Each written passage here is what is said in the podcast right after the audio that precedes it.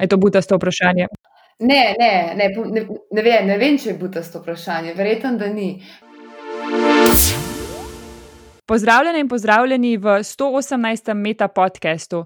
Danes je z mano Lara Ulčakar, ki je mlada raziskovalka na ISA-ju na odseku za teoretično fiziko, doktorski študij pa upravlja na fakulteti za matematiko in fiziko. Živijo, Lara. Živijo. Kot ponavadi, bom jaz s prvim vprašanjem začela, če lahko na kratko razložiš, kaj raziskuješ, s čim se ukvarjaš.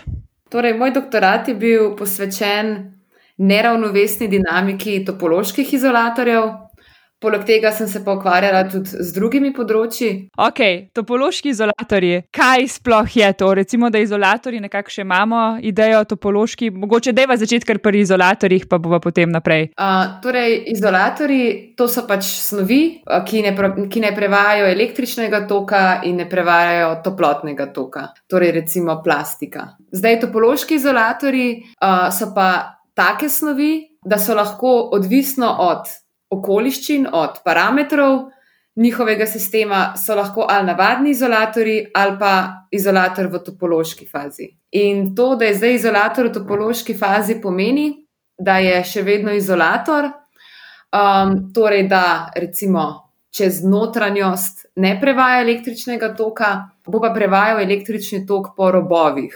In ta električni tok bo tekel po robovih brez izgub. In to je ta glavna lastnost topoloških izolatorjev. Medtem ko navadni izolator pa sploh ne prevaja električnega toka, ali kako?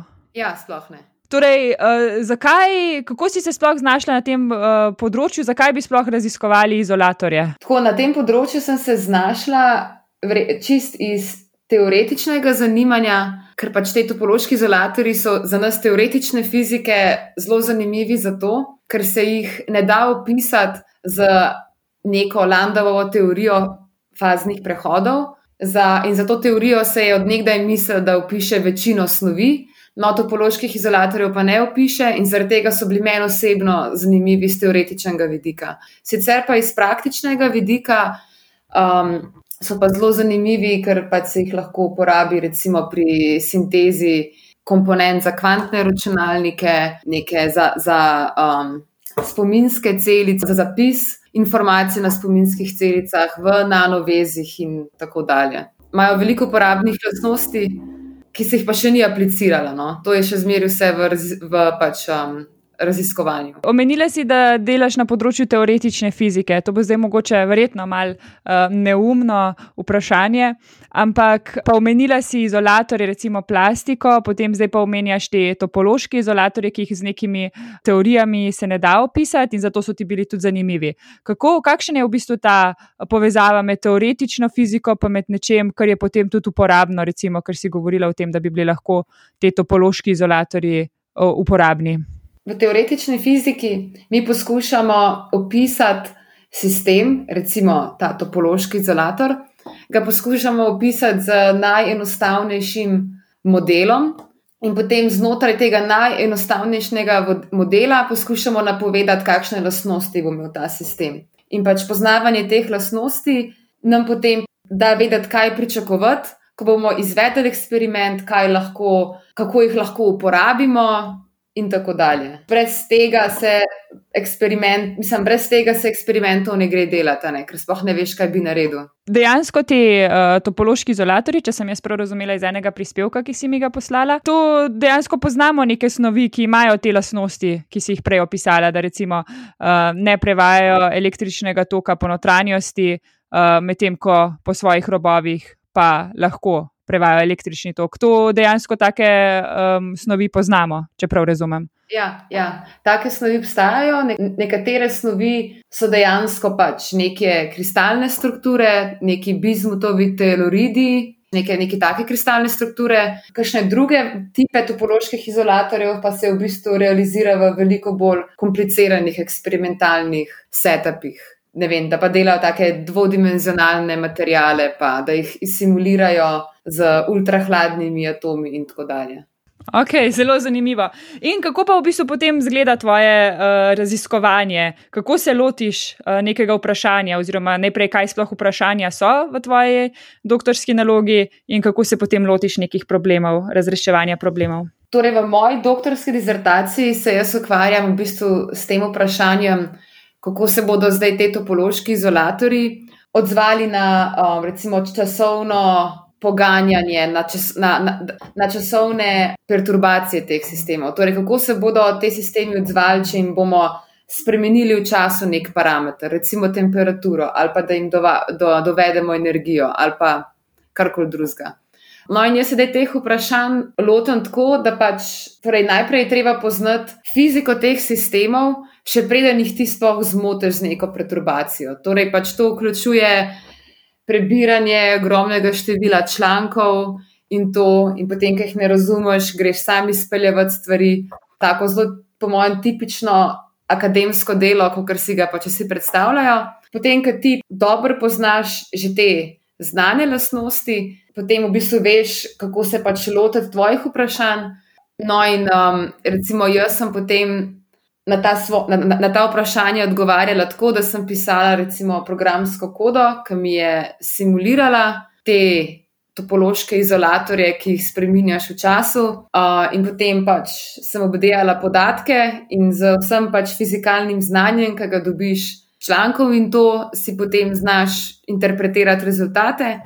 Potem pa recimo te rezultate poskušaš še podpreti z nekimi analitičnimi izpeljavami, torej da vzameš svinčnik, pa papir, pa pač enačbe pišeš. In potem nekako postaviš pač teorijo za to. In a, potem se ta teorija tudi kdaj uporabi pri kakšnih empiričnih raziskavah, kaj na ta način, ali je v bistvu zaenkrat samo na, na ravni teorij? Torej, te analitične, recimo, te izpeljave, ki jih jaz delam, um, to niso zdaj neke groundbreaking nove metode, kako obravnavati te sisteme. To je nekaj, kar v bistvu pač mi fiziki znamo, ampak teh metod je neskončno in pol moraš vedeti, kaj aplicirati, pa kaj je pomemben za ta tvoj model. Tako da to je v bistvu bolj se uporablja znotraj teoretične fizike, da znaš razložiti, zakaj se ti sistem obnaša, kot se. In potem se ta končna zgodba, zakaj, pač kako se ta sistem obnaša, pa to se pa pol aplicira ja, na empirične zadeve. V svojem prispevku omenjaš uh, ravnovesno in neravnovesno dinamiko, ki lahko opisujeta nek časovni razvoj sistema. Uh mhm. -huh. In lahko mogoče kaj več poveš o tem, kaj, kaj je s temi ravnovesji, uh, kakšen je sistem v ravnovesju, kakšen je, ko ni v ravnovesju, in kako to sodi v tvoje, v, v, v tvoje raziskovanje. Grem kar razložiti najprej, kaj je razlika med ravnovesjem in neravnovesjem. Torej, kot ravnovesje pač si predstavljamo sistem, ki je statičen, ki je pač recimo izoliran iz okolice ali pa je v okolici, ampak ga pustimo primer in sistemom se ne dogaja nič. Recimo, primer tega bi bilo recimo nihalo, ki visi in je v najnižji legi in je pri miru. Ali pa recimo drug primer je, da imamo, nek, recimo, da imamo nek, neko žico in to žico pustimo primer in je na mizi in to je to. Potem uh, neravnovesno stanje pa je, da pa mi dodamo neko perturbacijo sistemu, recimo, da mu dovajamo energijo, da mu dovajamo maso, da neke parametre v njem spremenjamo. In recimo na primeru nihala bi to pomenilo, da recimo nihalo frcnemo, s tem, da ga frcnemo, dovedemo energijo in potem bo pač to nihalo začelo nihati in to nihanje je zdaj neravnovesno, neravnovesna dinamika. Medtem pa lahko recimo vzamemo to našo žico, ki leži na mizi, pa jo damo med dve elektrodi in bo, do, in bo pač po njej začel teči električni tok, in to je pa recimo nek drug primer. Neravnovesne dinamike. No, in zdaj v teh naših sistemih, v topoloških izolatorjih, jaz, zdaj, jaz v bistvu opazujem neravnovesno dinamiko, ki se pojavi ob tem, da jaz vzamem v bistvu navadni izolator, potem pa nek določen parameter tega sistema spremenim, tako da bo v bistvu končen sistem postal topološki izolator. Torej, naredim spremembo iz navadnega v topološkega. Recimo, to se lahko v nekaterih pravih materijalih naredi tako, da recimo material stisneš, da narediš nek pritisk na material in potem pač dovolj velik in potem bo sistem postal topološki. Ampak ta sistem bo zdaj izven ravnovesja, uh, ker si naredil neko spremembo in jaz potem raziskujem, kakšne bodo zdaj lastnosti tega neravnovesnega topološkega izolatorja, glede na to, kako se bo raziskoval od topološkega izolatorja, ki bo v ravnovesju. In kako se to raziskuje, v bistvu, kaj, kaj se zgodi s tem izolatorjem? Torej, recimo, naši rezultati so, da če boš imel ta izolator v, ne, v neravnovesnem stanju, bo recimo potem ta električna prevodnost po robovih, torej ta električni tok, ki ti teče po robovih teh topoloških izolatorjev, ne, bo recimo mal, bo pač manjši, bo odstopal od električnega toka, ki bi tekel v ravnovesnem stanju. Pa v bistvu napovemo tudi, da se ti neki defekti pojavijo v sistemu, torej neka tako struktura se ti zgodi v sistemu, tako, take zadeve.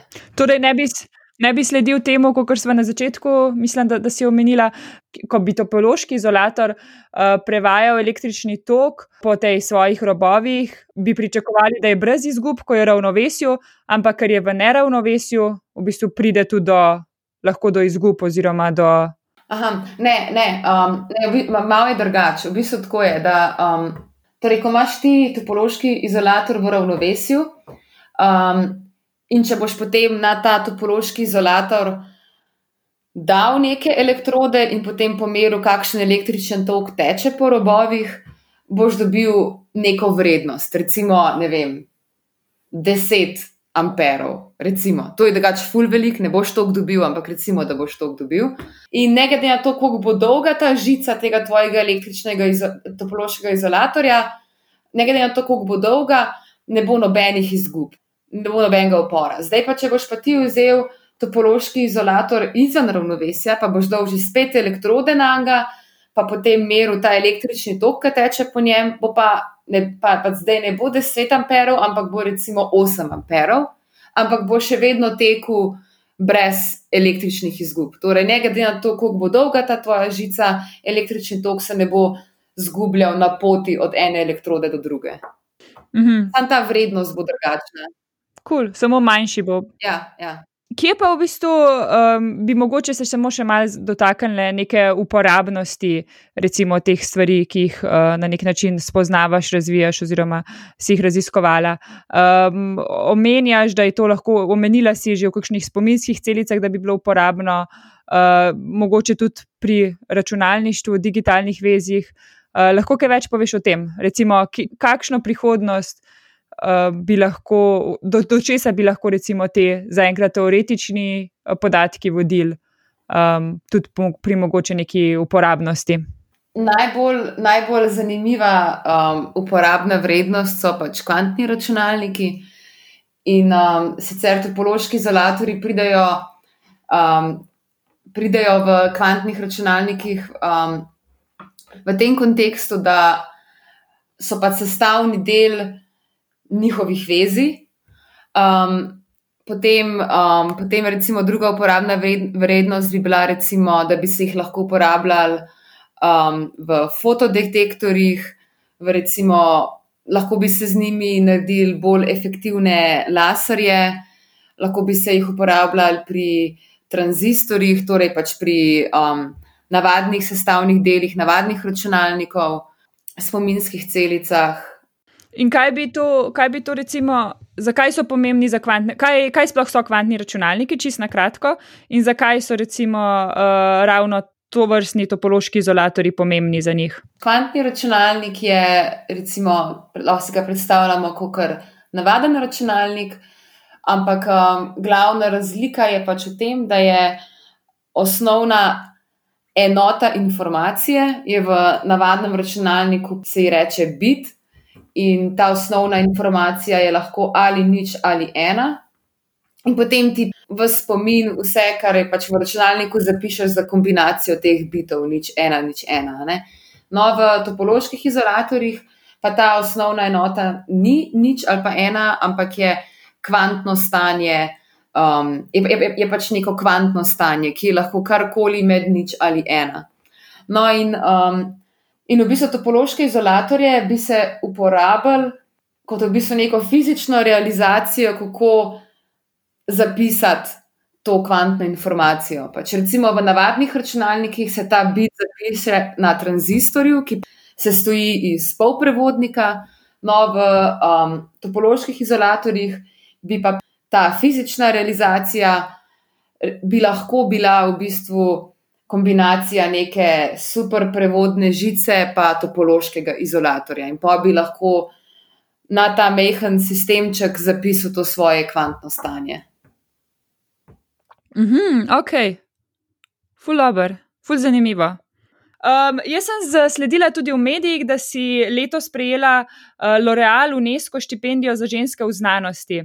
In me zanima, kaj ti je, recimo, oziroma ti še bo to omogočilo, ravno ta štipendija. Torej, pač prvo kot prvo sem bila zelo vesela, da sem dobila to štipendijo, ker to je bilo kar neko zunanje potrdilo izven sveta znanosti, da je moje znanstveno delo dobro. In v bistvu pač um, to mi bo recimo pomagalo pri vem, nadaljem tkanju službe ali kako koli. Ker so nas v bistvu zelo nas promovirali, naš nagrajenke in pač v znanstvenem svetu je to glih zelo pomemben, glih ta samo promocija. Potem se mi zdi, da ta um, nagrada se mi nasplošno zdi zelo pomembna iz stališča emancipacije žensko znanosti in se mi zdi zaradi tega zelo pomemben, da se jo daje pa na koncu koncev je pa itak zelo dobro dobiti uh, visoko denarno nagrado in sem na to tega kar precej vesela. Ali se spomniš kakšne zabavne ali zanimive anekdote povezane s svojim mentorjem, ali pa morda kakšne nenavadne smešne anekdote, ki se je zgodila tekom tvojega raziskovalnega dela v sklopu doktorata? Um, ja, torej ena dobra anekdota se je zgodila z mojim mentorjem med prvo karanteno, ko so bile občine zaprte. Torej, tako imela sem prvo, recimo, zoom razpravo od zaprtja s svojim mentorjem in še, pač, še dva druga raziskovalca sta bila zraven. No, in pač mi smo imeli vsi kamere prežgane, le moj mentor je ni imel, imel je neki slabo povezavo, pa tako iz ozadja se je slišalo neko žvrgolenje ptic. Uh, no, in potem na koncu razprave smo na zoomu stala samo še jaz, pa on, ker smo se pač nekaj stvari menila. No, in takrat se je očitno dosti domače počutil in je vklopil kamero, in sem v bistvu videla, da je bil sred gozda. In pač meni je bilo to tako ful smešen, ampak nisem nič rekla. No, in potem sem se v istem tednu še ne dvakrat slišala in je bil pač vedno je bil v gozdu. No, in potem ga pač vprašala, zakaj je v gozdu. In je rekel, da, da je z družino zbežal iz stanovanja v Ljubljani, ker ne morejo biti več pač v stanovanju in, so, in zdaj živijo v šatorih v Trnovskem gozdu. In je pač vsa predavanja, ki jih ima tudi za študente, je kar izvajo iz gozda prek Zuma. Tako da to, to je. Me, me v bistvu ni presenetilo, ko je res tako velik ljubitelj narave, no? tako da se je znašel. Kako so se od opisa do danes spremenila tvoja pričakovanja glede doktorskega študija in ali bi se ponovno odločila za doktorski študij? Tako, v nekaterih aspektih so se moja pričakovanja bila presežena. Recimo, zelo sem bila navdušena, ker sem videla, koliko sem se v teh parih letih naučila nekega samostojnega raziskovalnega dela, ker pač na začetku, ne vem, soh nisi vedel, kako bi se lotil problema, zdaj pa nekako imam občutek, da sem tega sposobna sama.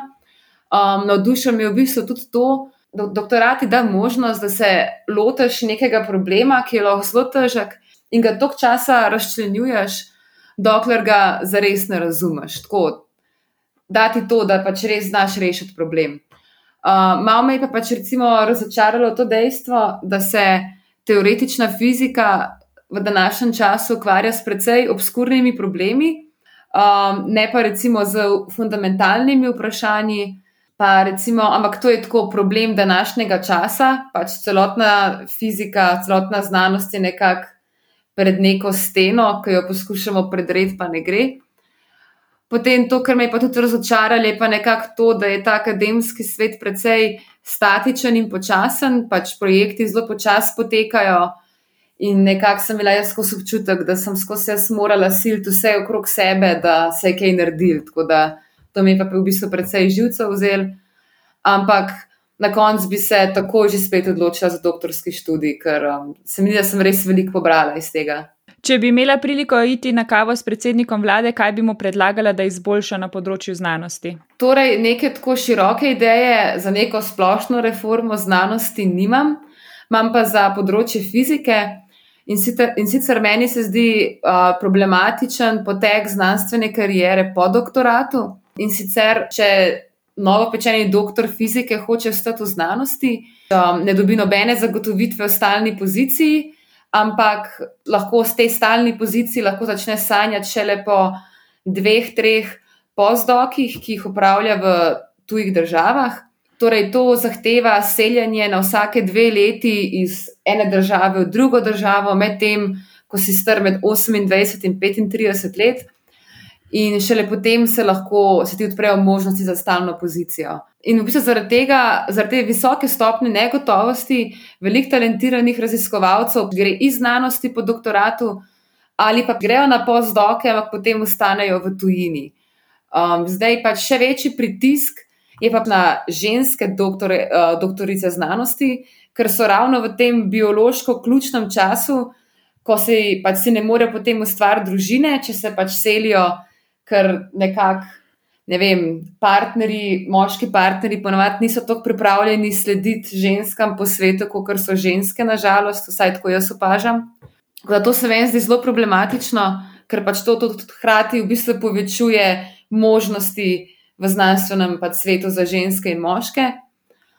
In ko meni se zdi, da rešitev za to pač obstaja, meni se zdi, da bi lahko zelo perspektivnim doktor, doktorjem znanosti, da bi lahko po doktor, do doktoratu, da bi jim nekako ob, obljubili stalno pozicijo in da bi potem oni šli, ne vem, za par let na enega postdoka, potem pa bi se vrnili. In jaz verjamem, da to bi lahko delovalo, ker v bistvu tako je, recimo pri nas na, na področju kemije, pa biologije, um, pa recimo tako je tudi na področju fizike na polskem.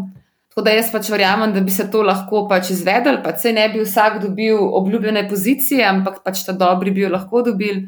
In v bistvu jaz zdaj za to sploh ne bi rabila predsednika vlade, uh, da ga prepričam. V bistvu bi morala pač prepričati že neko vodstvo fakultete ali pa inštituta. Sam oni, nažalost, ne verjamejo v ta problem, ker oni sami niso imeli tega problema, ker v tistih časih, ko so oni doktorirali so dobili obljubljeno pozicijo in ni bilo tega problema takrat, in pa še vsi so moški, tako da se ne zavedajo tega, te biološke bombe, ki jo imamo med, tako da nekako niso bili pripravljeni razumeti no, teh dilem. Kaj boš počela čez pet let in kje se vidiš čez 40 let? Tako čez pet let nimam pojma, ker uh, življenje jaz naprej planiram samo za pol leta. Uh, za 40 let pa še manj. Ampak v bistvu to, kar pa vem, pa je, da pa hočemo ostati v koraku s časom, torej slediti pač razvoju tehnologij in znanosti. Uh, bi drugim doktorskim študentom ali študentkam predlagala kakšno tehniko za upravljanje s časom ali pa morda računalniški program, ki ti olajša delo in ti prihrani čas? Nekega splošnega predloga nimam, ker se pač različne panoge raziskovanja res zelo tehnično razlikujejo. Ampak recimo jaz sem zelo uporabljala Python pri od vem, pisanja kode za simulacije sistemov od vem, obdelave podatkov in potem se na koncu tudi grafične prikaze pač risala v njem, torej vse slike. Uh, programirala sem tudi v CEJ-u, uh, analitične izračune sem pa delala v matematiki. Priporočilo za knjigo, igro, film, spletno stran ali podcast. Kot knjigo priporočam uh, trilogijo Free Body Problem, pa še eno knjigo Neznosna lahkost bivanja kot spletno stran priporočam Archive. Um, torej na Archiveu najdeš večino novih člankov za ston, vse je open source. Uh, kot podcast predlagam Mindscape, pa The Daily od New York Timesa, tako za sledenje dogajanju po svetu. Kot film predlagam Suspirio, pa um, Eternal Sunshine of the Spotless Mind kot igro, pa sem na, pred kratkim navdušena nad Totem Horderjem. To je pa neka nova igra na naši lokalni sceni, ki je letos zmagala na, na tečaju na meji nevidnega. In jaz sem pač v bistvu bila, jaz, jaz, jaz sem jo igrala v tem um, testplayu, ki so pač testirali, kako bi spremenili različne parametre igre in je, in je full cool. Koga od nam znanih ali neznanih bi povabila na večerjo, če ne bi bilo nobenih omejitev? Povabila bi Džanara Contalda, on je nek znan italijanski kuhar in pa želela bi, da večerjo skupaj naučiva, na, narediva, da me on nauči še kaj novega. Ok, super, hvala, Lara. Hvala. Poslušali ste Meta podcast, v katerem se pogovarjamo z mladimi znanstveniki in znanstvenicami z različnih področji znanosti.